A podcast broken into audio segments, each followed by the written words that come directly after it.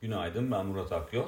Dün kapalı olan İngiltere piyasaları bugün yeniden açılacak. Dolayısıyla özellikle Avrupa'da işlem hacimlerinin yeniden artış göstermesi şaşırtıcı olmayacaktır.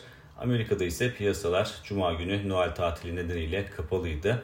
E, dün yeniden açıldığı piyasalar ve açılışla birlikte iyimser bir eğilim sergilendiğini gördük ki özellikle S&P 500 endeksine baktığımızda endeksin kapanış bazında e, tarihi zirvesini yukarı taşıması dikkat çekti. E, diğer endekslerde de aslında iyimser bir eğilim vardı. Dolayısıyla e, geri kalan 4 işlem gününde endeksleri bu performansını devam ettirmesi durumunda zaman zaman gerçekleşen yıl sonu rallisinin e, küçük bir örneğini daha yaşama ihtimalimiz bulunuyor.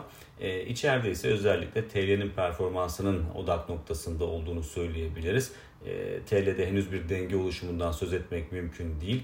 Gün içinde e, her iki yöne de çok sert hareketler görebiliyoruz. Dolayısıyla e, TL'nin denge bulması e, yurt içi piyasaların geneli açısından da oldukça önemli. E, diğer taraftan e, omikron varyantına ilişkin endişeler de devam ediyor. E, hemen hemen bütün ülkelerde koronavirüs vaka sayılarında belirgin artışlar e, görülüyor. E, ama tabii ki e, omikronun yayılma hızı yüksek olsa da e, hastaneye yatış oranlarının düşük olması, ağır hastalığa yol açmaması rahatlatıcı bir unsur olarak çalışıyor. Bu da küresel ölçekte risk iştahının korunmasını sağlayan önemli bir unsur.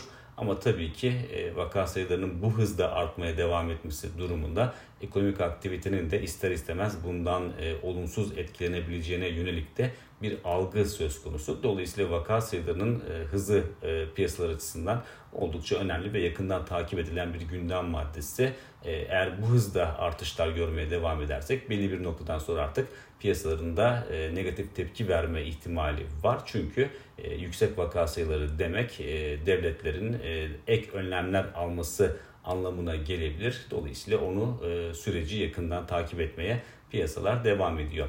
E, haftanın ikinci işlem gününde e, makroekonomik veri tarafına baktığımızda e, önemli bir veri görmüyoruz. Zaten hafta boyunca da tatil rehavetinin de ön planda olduğunu düşünürsek açıklanacak önemli bir veri bulunmuyor. Bu nedenle piyasalarında aslında genel hatlarıyla çok önemli bir volatilite göstermesi de beklenmiyor. Ama tabii ki en başında da söylediğim gibi özellikle yurt dışı piyasalarda zaman zaman yıl sonlarında iyimser bir eğilim sergileme eğilimi öne çıkabiliyor. Ee, zaten ABD piyasalarının da e, düne e, iyimser bir eğilimle başlaması haftanın devamında da belki benzer bir eğilim görebileceğimize yönelik sinyaller verebiliyor.